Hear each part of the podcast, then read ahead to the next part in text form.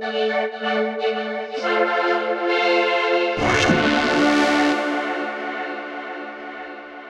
udah baca buku Semua Bisa Bicara apa belum nih? Kalau kamu belum suka baca atau belum sempat baca atau males baca, gak usah khawatir. Karena Sarah akan mengambil sedikit informasi dari buku ini yang bisa kamu pelajari tanpa kamu harus baca bukunya cukup dengan mendengarkan podcast ini aja. Tuh, baik kan? Oke deh, tapi selamat datang dulu di podcast The Late Brand with Sarah Neriza. Kali ini Sarah pengen ngomongin soal teknik vokal.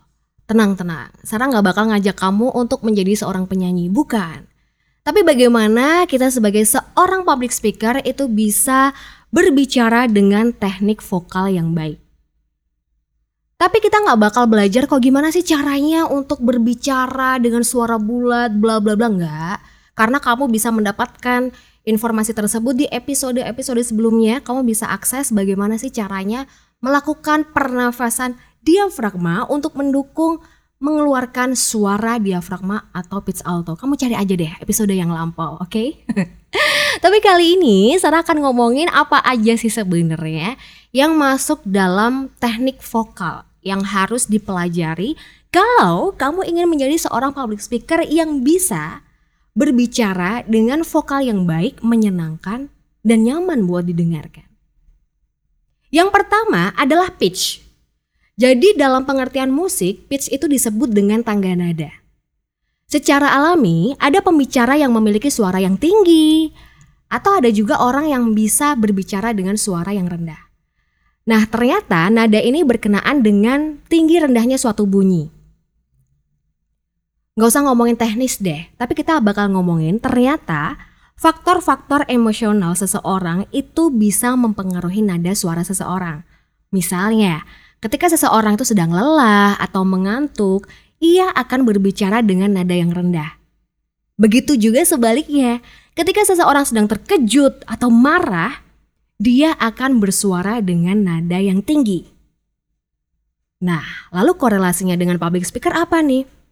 Kalau memang kita ingin memperlihatkan antusiasme kita di depan audiens, maka kita bisa loh mengontrol pitch atau nada suara kita ini dalam suara yang tidak terlalu rendah. Karena kalau terlalu rendah itu bikin ngantuk.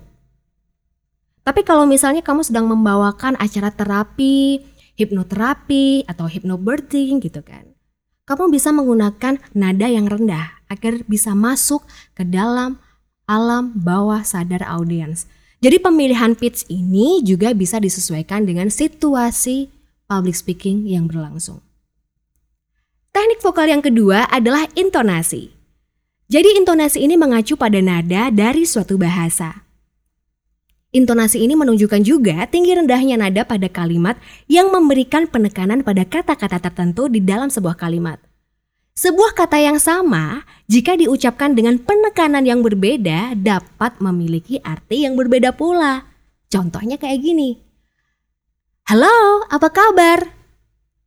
Halo, apa kabar?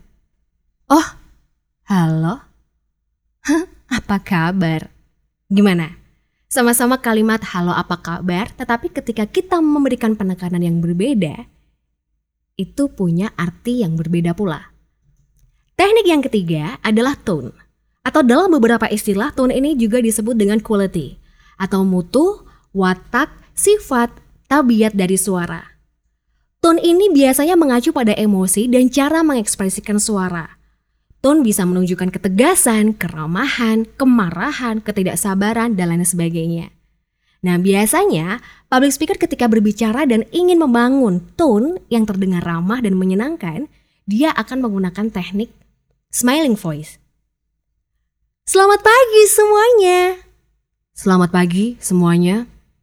Selamat pagi semuanya. Beda kan? Itu dia apa yang disebut dengan tone. Keempat, volume. Volume ini adalah berkaitan dengan keras atau tidaknya suara. Nah, kalau kita jadi pembicara atau public speaker, kita harus mampu mengatur keras atau lirihnya suara yang kita keluarkan. Dan ini tergantung pada situasi dan kondisi yang kita hadapi. Jadi misalnya kita pengen menarik perhatian di awal pada saat mengucapkan salam, mengucapkan yel-yel, biasanya kita akan pakai volume yang lebih keras. Tapi ketika pada saat sesi materi mungkin level suaranya akan lebih rendah atau lebih lirih. Yang kelima adalah tempo, yaitu mengacu pada cepat dan lambatnya seseorang dalam berbicara. Pembicara yang berbicara terlalu cepat itu akan membuat orang akan susah memahami apa yang dia sampaikan. Begitu pula sebaliknya, kalau kita bicaranya terlalu lambat, orang juga bakal bosen. Yang keenam, artikulasi.